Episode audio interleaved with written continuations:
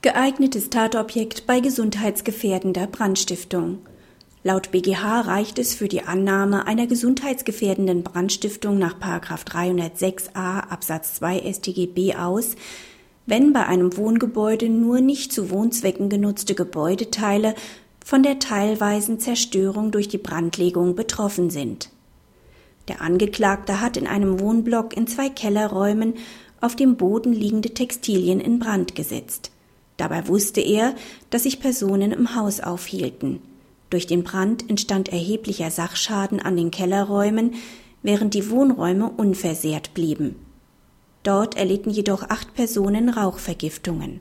Die Entscheidung des Landgerichts, das den Angeklagten unter anderem wegen gesundheitsgefährdender Brandstiftung nach 306a Absatz 2 StGB verurteilte, hielt der revisionsrechtlichen Prüfung stand.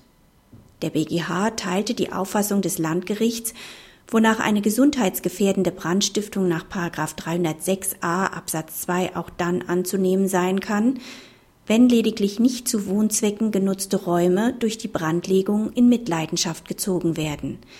Denn der gesetzgeberische Zweck der Auffangregelung in 306a Absatz 2 StGB besteht nach Ansicht des BGH gerade darin, auch bei Brandlegungen mit geringen Objektschäden im Fall einer konkreten Gesundheitsgefährdung für Menschen dieselbe Strafandrohung auszusprechen, wie sie in 306a Absatz 1 StGB bereits für eine abstrakte Gefährdung angeordnet ist.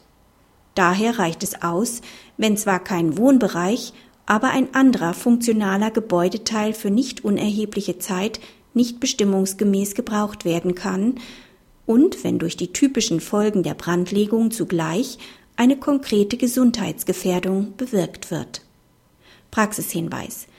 Die Entscheidung ist auch deshalb von Interesse, weil der BGH hier klarstellt, dass die bei 306a Absatz 1 StGB anerkannte restriktive Auslegung des Merkmals des teilweisen Zerstörens auch für den Absatz 2 gilt.